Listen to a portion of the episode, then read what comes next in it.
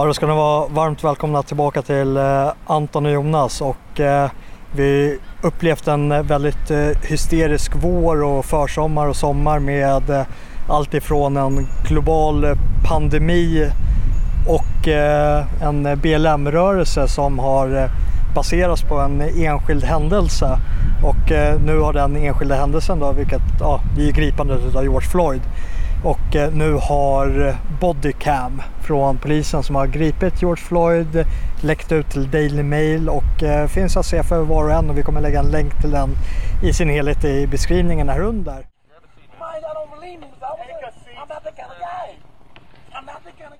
Och eh, den filmen om något ändrar ju lite betraktelsen över BLM-narrativet som de har spunnit på där George Floyd mer eller mindre har helgonförklarats och eh, har fått eh, vara en symbol för vad rörelsen menar på är eh, strukturell och systematisk rasism mot svarta i USA som genomsyras av hela poliskåren och hela övriga samhället och att många svarta misslyckas med de sakerna de åtar sig som community har fallerat. Och det beror helt enkelt på att de befinner sig i en väldigt rasistisk miljö. Exakt. Och så det- valde man då George Floyd och den här enskilda händelsen för att personifiera hela den här kollektiva utmaningen för det svarta samhället. Exakt. George Floyd är ju något av... eh, man använder ju sådana här händelser som något av en hävstång för att liksom kunna dra igång den här mer praktiska aktivismen för att liksom kunna få igång ett, ett mediaflöde för att nå ut till allmänheten. Det finns ju, I bakgrunden här så finns det ju de här gamla uppfattningarna, det här, det här narrativet om att i princip hela, hela de, svarta, eller de svarta och de färgade situation i hela västvärlden är så gott som till 100% formad av, av den koloniala upplevelsen. Det är det som menas med att vi lever i ett postkolonialt samhälle. Att det är liksom rester av den här koloniala ordningen som lever kvar. Och, Och som, de som, globala orättvisorna då kan då härledas till den koloniala tiden då vi västerlänningar berikade oss på andra folks bekostnad. Exakt, och det, det är huvudanledningen till att, att det går dåligt i livet för de här människorna. Och det här är ju väldigt, alltså någonting man får ge dem ändå som jag tycker på sätt och vis är rätt imponerande är att den, det är en väldigt kompakt teorikropp de har. Och de har liksom, för inget av det här har ju riktigt gått att bevisa empiriskt. Jag menar det finns liksom inga, under segregation i USA till exempel, under apartheid i Sydafrika, då skulle man ju kunna bevisa rasbaserade strukturer empiriskt. Det vill säga det finns dokument, det finns liksom styrordningar, det finns olika typer av lagar. Ja, man kan peka på regelverket och eh, nu hänvisar man istället till upplevelser samt den enda statistiken man, och empirin man kan hänvisa till är att vi har olika utfall på, eh, olika på gruppnivå. Exakt. Att det går bättre för vissa grupper och sämre för andra gruppkategoriseringar. Och man eh, tillskriver det här utfallet då till eh, ja, men postkoloniala samhället. Det är liksom a priori att, att det skulle bero på det här. Det är liksom på något sätt givet att, att de här olika utfallen, det, det beror bara på den här rasistiska ordningen. Och det, det är någonting, det här att, eh, vad ska man säga, rasismen finns invettes i eder skulle man kunna säga. Låna lite citat från bibeln där. Ja, Men, men någonstans är det sådär att eh, det, det är liksom inget som är ute i samhället i form av lagtexter och skrivna dokument och andra saker man kan peka på utan eh, den här rasismen och den här postkoloniala ordningen det är någonting som finns liksom i, i hjärtat på varje vit person och som, som, som gör oss alla delaktiga i det här alldeles oavsett om man nu någonsin har, har behandlat en, en färgad person illa i hela sitt liv och eh, nu fick då George Floyd personifiera detta och det som då blir eh, lite extra häpnadsväckande och det här, en del utav informationen man har vetat hela tiden och eh, för er tittare som inte har känt till det så beror det på att den etablerade medien har valt att inte rapportera om det. Och en sån sak kan vara till exempel George Floyd tidigare kriminella belastningsregister där han bland annat har gjort inbrott hos en gravid kvinna och eh, med pistol riktat den mot magen på den här gravida kvinnan och sagt att ger du inte mig pengar så kommer jag skjuta. Jag kommer Mm. döda dig och jag kommer döda ditt eh, ofödda barn. Och eh, det här har ju liksom på ett medveten plan mörkats kring eh, hela den här situationen.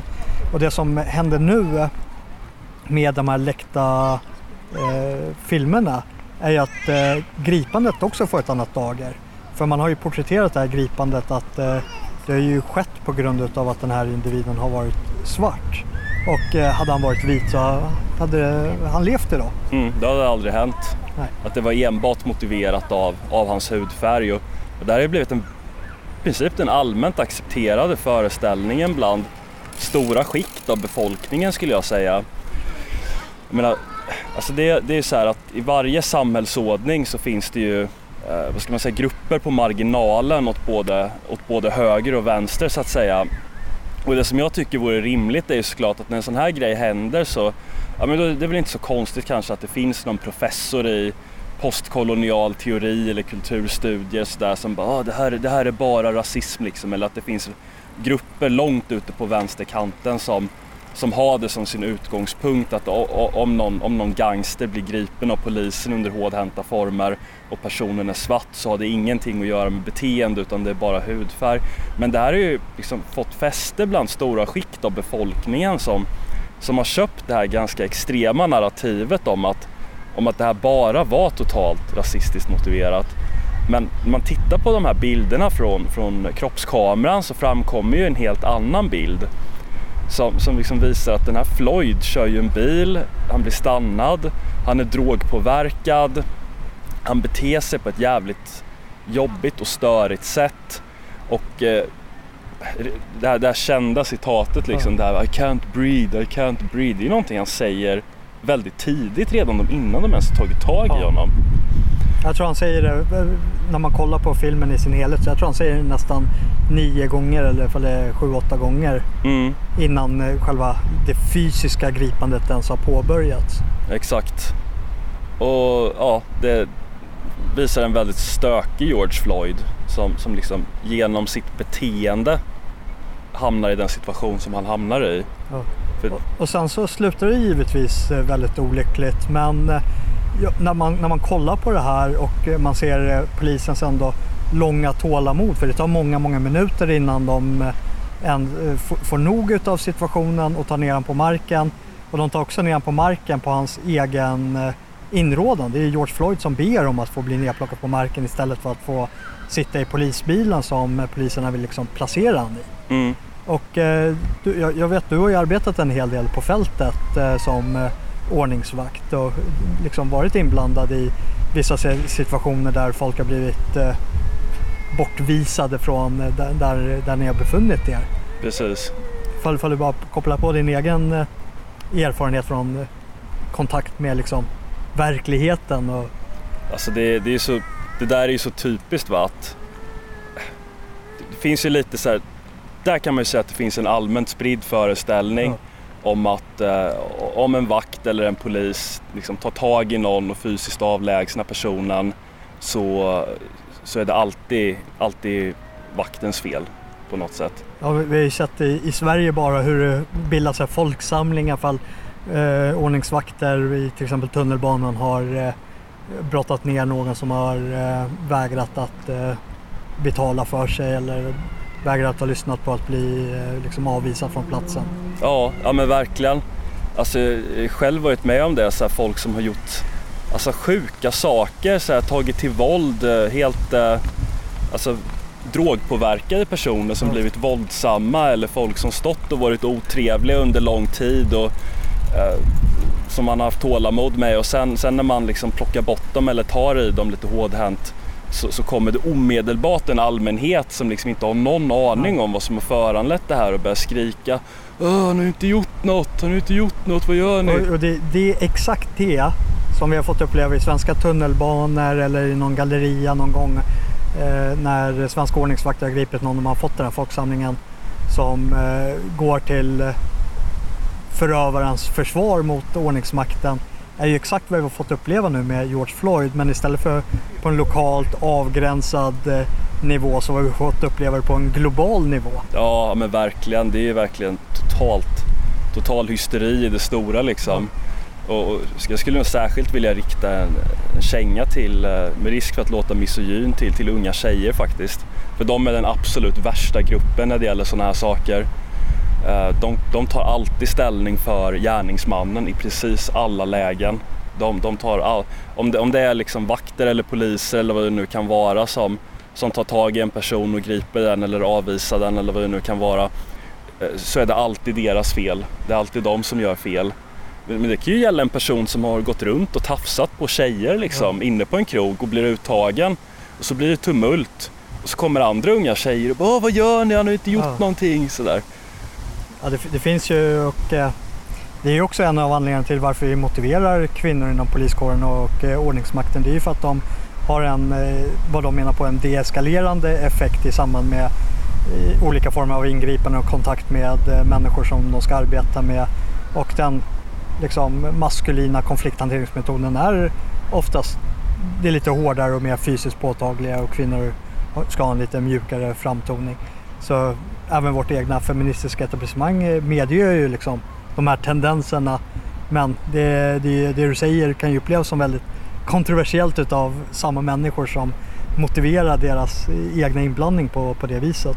Absolut, alltså jag kan säga så här att jag är en av de mest diplomatiska ordningsvakter du överhuvudtaget kan tänka dig. Jag, jag föredrar alltid att, att prata med folk och jag, jag, jag försöker alltid liksom äh, alltid så prata med folk och, och liksom föra dialog och förklara och sånt där.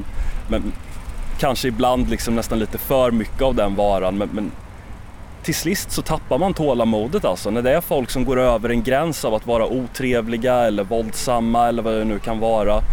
Och då ska man ju inte tala om vad som gäller för amerikanska poliser som jobbar i en mycket tuffare miljö än vad jag själv gör. Och här i George Floyds fall så gäller det ju en drogpåverkad man som eh, håller på att ta sig fram med ett fordon och vad, jag undrar vad alla de här människorna tänker egentligen. Ska de bara låta honom fortsätta med det eller? Mm. Och vad, vad händer sen när den här George Floyd då framför det här fordonet i drogpåverkat tillstånd och så kör han på någon person som, som dödas. Vilka kommer få bära hundhuvudet för det? Ja, men det är ju polisen som släppte iväg honom. Och sen, eh, men får man stanna till vid videon, jag, ty jag tycker den påvisar en sak som jag, jag, kan inte se någon kunna ifrågasätta att så här är fallet och det är att George Floyd hade blivit hanterad exakt likadant oavsett vilken eh, hudfärg han hade haft. Ja, ja men alltså, verkligen. Är, är det någonting den här videon påvisar så är det att polisen eh, ingriper mot en eh, person som är väldigt svårhanterlig och omedgörlig och drogpåverkad. Och eh, jag försvarar inte liksom vad, vad som, hur, situationen slutade. Det, det, det är ju tragiskt att någon ska behöva eh, avlida under, under de här eh, omständigheterna. Men eh, det som hände han hände inte på grund av hans hudfärg. Nej, det var hans beteende. Ja. Det, och det enda som hade varit kontra faktiskt om han hade varit vit. Enda skillnaden hade varit att ni troligtvis aldrig fått reda på det ens. Nej, inte en chans. Man, man hade aldrig spunnit det här narrativet. Men, men, men det är bara så alltså det finns, jag tror inte, det finns ingen polis med självrespekt som, som liksom gör anspråk på att, att sköta sitt jobb som hade släppt iväg den här mannen alldeles oavsett hudfärg. Utan även om det här hade varit i Sverige och han hade varit en 37-årig vit snickare som heter Micke liksom som kommer från Dala-Floda så hade polisen gripit honom under, dem, under så pass hårdhänta former som hade behövts för att få med honom liksom. Det, det hade inte gått till på något annat sätt. Därför att den här personen beter sig så dåligt att det inte finns några andra alternativ. Och om man inte lyssnar på polisen när man är i ett sånt tillstånd, ja, men då kommer det göra ont. Det är bara så. Det gäller verkligen för alla. Det gäller verkligen för alla. Jag, jag tänkte också på hur eh, svensk media, jag läste en artikel från Aftonbladet som eh, skrev en artikel efter de här filmerna och har eh, släppts lös. Och eh, de rubricerar som att om oh, här eh, är bilder på dödsmisshandeln. dödsmisshandeln. Eh, här får vi se en vettskrämd eh, George Floyd sekunderna innan han avlider utav den här misshandeln. Han säger till poliserna bara skjuter ni mig om jag, om jag går ut så här och så går han ut och så några minuter senare är han död. Alltså de, de målar upp han som, de typ omyndigförklarar George Floyd och behandlar han som om det vore ett litet barn. Medan det i själva verket är en enorm person. Jaha. Han är ju nästan två meter lång och väger 100 kilo. Ja, ja men det är helt sinnessjukt. Och jag vet, vi, vi snackade om det på vägen hit och jag har tänkt det många gånger men det finns, jag tror det finns 40 miljoner svarta i USA. Ja. Och det finns en poliskår som, som många gånger jobbar under tuffa förhållanden, eh, som har eh, betydligt kortare utbildning än vad de har i Sverige. Det, det finns säkert många poliser som, som alldeles oavsett hudfärg tycker om att ta i lite extra för att de, de, de gillar sånt helt enkelt. Går det inte att hitta något exempel på någon så trevlig svart småbarnsfar som var en helt vanlig medborgare som blir stannad för någonting och det slutar med att han blir misshandlad av någon riktigt kass polis. Det måste finnas något sånt exempel. Det måste finnas något, någon, liksom, någon person som kan vara värdig att bli symbol för det här som man faktiskt kan använda. Men det, för mig verkar det som att de gång på gång kör på det här att de plockar fram bedrövliga personer som den här George Floyd eller Trayvon Martin som, som ju också var en kriminell person. Är, är det liksom, finns det inga bra exempel man kan ta med? Ja. Det, det är ju det man måste Ja. fråga sig det här. Och i Trayvon Martins fall så blev ju också polisen friad. Ja, eller det var inte en polis där. Ja, utan det var en sån här ordning- områ- områdesvakt. Ja, och eh, nu efter vi har sett det här, nu blir det rena spekulationer men eh, vad, hur tror du juridiska efterspelet kommer se ut? Om jag bara får tillåta mig att spekulera så skulle jag tro att när mediastormen har blåst över så, så kommer den här polisen att frias. Ja, Jag tror att eh, ja, när, när, liksom, när det är som hetast i media och sånt där så, så, så vill man inte göra någonting men, men på sikt så kommer det bli för den här eh, nu kommer inte jag ihåg vad han heter men, men han som sköt den här Trayvon Martin att, Ja. att på sikt så när det lugnar ner sig och uppmärksamheten inte är så, så på längre så, så kommer han frias därför att man kommer komma fram till att han inte har gjort något fel. och det, det är också så intressant med eh, fallet med Trayvon Martin, nu talar jag lite utifrån minnet men eh, den här områdesvakten som eh, sköt ihjäl han var ju eh, med latino-ursprung. Ja exakt. Men eh, de väljer ändå att eh, porträttera det som att det var en vit som sköt en svart. Alltså, de, de har en väldig iver till att liksom underblåsa och skapa ett starka rasliga motsättningar i Verkligen. den här konflikten. Och, men, men jag, tror att, jag tror att han hette George Zimmerman. Ja, det klingar bekant. Eh, nu var det ju ett tag sedan man, man pratade om det här men jag tror faktiskt att han var, var hispanic som var adopterad av en judisk familj. Ja, Där, därav namnet Zimmerman. Men då kallade man ju honom för white hispanic. ja. När, när kallar man någonsin folk för white hispanics? När det gynnar ens narrativ av att eh, det, det sker ett rasligt förtryck av vita mot svarta. Ja, Och eh, passar inte pusslet, ja men då får man att passa. absolut. Och eh, i det här arbetslaget då med poli- för det var ju inte bara en vit polis som grep George Floyd utan det var ju, det var ju flera stycken. Det var fyra eller fem stycken och, och ett par av dem, två eller tre var ju färgade. Ja. Men det är ju så här, de, har- de har en färdig bild klara för sig och den bilden säger att ja, men, det här beror på det postkoloniala förtrycket och vi, vi har de här problemen i det här samhället. Och eh, när man får information på bordet då, då får de det att passa slutsatsen istället för att eh, behandla informationen, faktan, empirin, statistiken och med, tillsammans med det underlaget så skapar man en ekvation då man kommer fram till en slutsats. Mm. Så de har slutsatsen redan klar för sen spelar det ingen roll vilken input du stoppar in där utan den kommer möbleras om så att den passar deras förutbestämda slutsats. Ja men verkligen. Och alltså det här är ju en typ av det här är en typ av teoribildning där empiri inte har någon plats egentligen. Att det, det är inte viktigt. Utan det viktiga är någonstans teorin, den, den, den bekräftar på sätt och vis sig själv. Mm. De verkar i en tradition där, eh, där, där liksom Dels är det ju så här att de det, det är märkligt, jag, jag skrev faktiskt en artikel om det där för ett tag sedan som kommer publiceras i Nya Tider, eh, vad det lider. Men som just handlar om, om, om det märkliga i att alla de här vänsterpersonerna då under 2016 började försvara vetenskap helt plötsligt. Mm. Det, vi, vi, under, under Trump då, eller under Trump, eller som ett sätt att polemisera mot Donald Trump och hans kampanj, att man började prata om eh, fact checks och alternativa fakta och, och allt vad det var. Liksom man började ha så här marscher för vetenskap och sånt där. Och I klimatdebatten har man ju haft ett oerhört tjat om naturvetenskap, att man bara ska göra det som vetenskapsmännen säger och sådana där saker.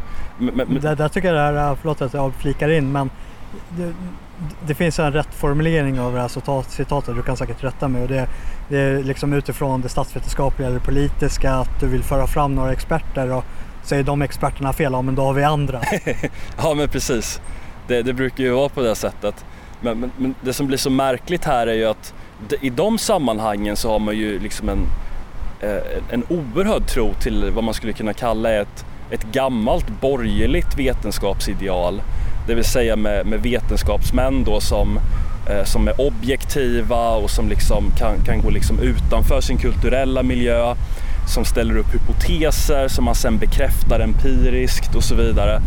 Men, men i de här fallen så handlar det ju om helt, eller så att säga postkolonial vetenskapstradition jobbar ju utifrån andra principer. Att här jobbar man ju inte empiriskt utan här handlar det ju snarast om, om självbekräftande teorier som, som liksom inte kan motbevisas och där man aldrig har varit intresserad av att undersöka de här sakerna empiriskt. Utan tvärtom så har man ju alltid, eh, man, alltid man, man betonar snarare att eh, olika grupper är så att säga instängda på något sätt i sin egen kulturella erfarenhet. Att vita kan aldrig förstå svarta. Alltså en, en vit forskare kan aldrig studera gruppen svarta och förstå dem. Utan det är bara den här självupplevda erfarenheten som räknas. Att om, om svarta liksom går runt på något sätt och upplever att de är diskriminerade och rasistiskt behandlade och sånt där. Eh, då är de det och det är liksom ingenting som eh, någon kan ta fram siffror för att motbevisa utan den självupplevda erfarenheten övertrumfar det där. Och det är liksom ett, ett helt annat, det, det vad man kallar ett konstruktivistiskt vetenskapsideal vilket betonar mer det subjektiva snarare än, äh, än, ett klassiskt naturvetenskapligt ideal där man ja. betonar objektivitet och, och, fakta. Det är det Karl Propper förkastas ju i de här avseendena med så här falsifieringsmetodiken. Absolut. Utan det, det, är ju tillbaka där att de sitter på en sanning och de gör allt de kan och hittar på vilka förevändningar som behövs och tar till de metoder som eh, gynnar deras liksom, målbild. Ja, men det var ju som i Sverige när man eh, under, eh, jag kommer inte ihåg exakt vilket år det var, men eh, det, det, var när man började prata om det här med strukturell diskriminering och liknande. Och eh, då skulle man ju undersöka de här sakerna. Jag tror att det var under socialdemokratisk ministär. Mona Salin hade ansvar för det. Mm. Och eh, då, eh, då satte man en, tillsatte man en kommission med någon eh, statsveten, eh, professor i statsvetenskap som, som, som ledare för den här kommissionen. Jag kommer inte ihåg vad han heter, Anders någonting. Jag tror han verkar i Uppsala. Men då kom det ju omedelbart protester från sådana här som Masoud Kamali och sånt där som håller på och jobbar med med, med forskning med postkolonial inriktning och, och sånt där kom omedelbart protester att den här mannen kan ju aldrig studera de här sakerna för han har ju själv inte minoritetsbakgrund. Och jag menar det där är ju ett stort, ett stort fuck you till all form av objektiv vetenskapstradition. Jag menar en vetenskapsman, säg att, säg att du forskar inom, eh, inom idrott till exempel. Jag menar, en vetenskapsman som forskar inom idrott behöver ju själv inte vara en elitlöpare för att kunna studera löpning. Det säger ju sig självt liksom. Man, man behöver ju inte vara någonting för att kunna studera ett ämne. Det, det accepteras ju inom de allra flesta traditioner. Men du behöver inte själv vara politiker för att kunna studera politik. och så vidare. Ja, men det, det, är ju det, de, de avfärdar ju sådana människor även fast de uppfyller kriterierna. Precis. Utan vi har ju eh, svarta republikaner och eh, till exempel Candace Owens som eh, om hon hade varit vit så hade hon blivit hudflängd för att vara rasist. Exakt. Samma sak med vet han, pastor Jackson. Vilket det, det, är ett helt under att han fortfarande får vara kvar på Youtube. Ja, faktiskt. Det, det, är ju för att han har liksom en förklädnad som gör att Youtube inte censurerar honom på samma sätt när han pratar om de här ämnena. Just det. Men eh, de blir fortfarande diskrediterade utav Demokraterna och den svarta medborgarrättsrörelsen för att eh, gå liksom, det vita patriarkets eh, ärende. Absolut. Just det, var, var en grej jag skulle säga där, jag glömde helt bort det. Ja. Men, men det var så att i den där kommissionen, att när den här första professorn eh, hade, hade hand om det, då skulle man undersöka om strukturell diskriminering förekom. Ja. Men eh, sen fick han så mycket press på sig att han gör som akademiker alltid gör när, när det blir lite press, att han hoppade av. Ja. Och då blev den här Masoud Kamali eh, ledare istället. Där om någonting då... kan man ju påvisa normativa diskrimineringar när Absolut. det kommer till vissa ämnen. Absolut, man, man visste vem man skulle prioritera när det blev lite tryck på det. Men, men då ändrade man så att säga på förloppet att då började man jobba med att strukturell diskriminering var utgångspunkten. Ja, Så det man skulle undersöka om det förekom blev utgångspunkten att det förekom. ja. Så det var ju en total vändning på det. Så det här, det här är ju liksom bisarrt från början till slut. Och eh, ja, vi, väl värt att följa upp och eh, en sak som ni ska hålla ögonen på är ju hur media kommer att eh, porträttera fortsättningen på det. Det kommer in i information men de omvärderar inte utifrån slutsatsen och därför kan man läsa sådana här tramsartiklar från Aftonbladet. Och det, det bör ni vara vakna på hur nyhetsförmedlingen fortsätter i samband med det. Antingen för de försöker lägga locket på och vara tysta och liksom försöka gömma undan ur deras tidigare vinklingar för att eh, passa samtiden och liksom det nya nyhetsflödet. Mm. Och eh, vi lär väl få skäl att eh, återkomma till det här också. Absolut. Alltså, nå- någonting som man alltid ska ha klart för sig att det finns så många som tjänar på det här och, och jag tror genuint att väldigt många går runt och, och tror på det här. Alltså, inte bara att det finns, förekommer rasism i ett samhälle, för, för det, fin, det finns ju garanterat vita som inte gillar svarta och så vidare. Men just det här övergripande strukturella rasismen som alla vita har del i, som Ja. är liksom rasismen finns inväd, invättes i ederaktig. Det är en väldigt gynnsam föreställning att ha. Dels kan det bortförklara egna misslyckanden så man inte behöver ta ansvar för dem. Dels så, så är det väldigt, väldigt gynnsamt därför att det här, det här kan ju liksom allokera om resurser till den egna gruppen. Man kan få olika typer av stöd och framförallt så är det väldigt, eftersom det är så pass många vita som, som köper in i det här och är beredda att agera ut efter det så, så blir det väldigt lätt att styra en väldigt stor grupp av människor av det här. Så, så det här är ju en racket liksom. Det här är ju en typ av bluffverksamhet som garanterat kommer fortsätta så, så länge vi tillåter det att fortsätta. Rakt av. Och eh, ja, men vi, vi kommer nog med allra största anledning få återkomma till George Floyd och hur utvecklingen eh, sker sig med BLM-rörelsen och medieteckningen utav det och eh, hur det påverkar den allmänna diskursen. Men fram till dess, tack för att ni har varit med och lyssnat och så syns vi i etern till nästa gång. Absolut, tack så mycket.